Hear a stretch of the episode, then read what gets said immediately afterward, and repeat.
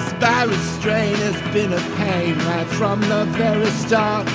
When the CDC told you and me to stay six feet apart, you've lived in fear more than a year locked up in quarantine and praying for the day when you can get the damn vaccine. It never stops. You run around. Here it comes.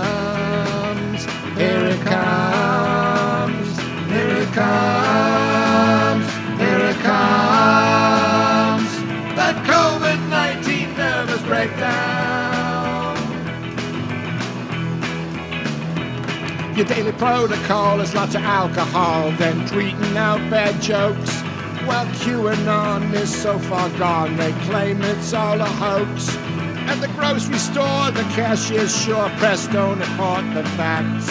While toilet paper's 37 bucks a roll plus tax, it never stops. The run around. Here it comes,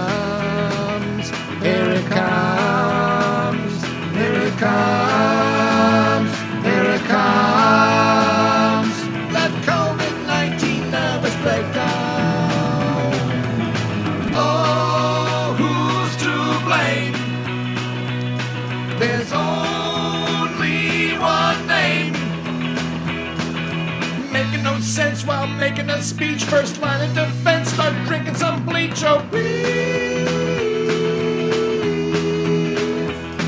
Your Netflix binge is being impinged cause you have to work at home.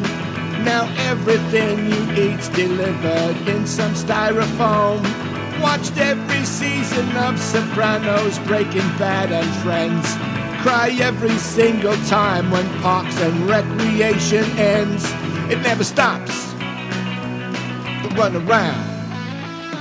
Here it comes. Here it comes. Here it comes. Here it comes.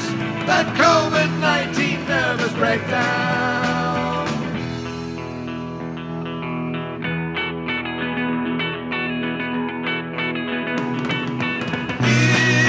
Just insane.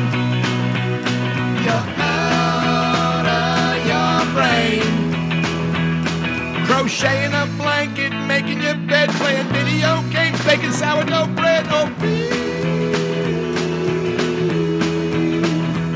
They say to wear your mask is better than a casket. Seems like good advice.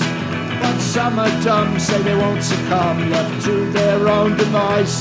No common sense at big events with nothing on their face.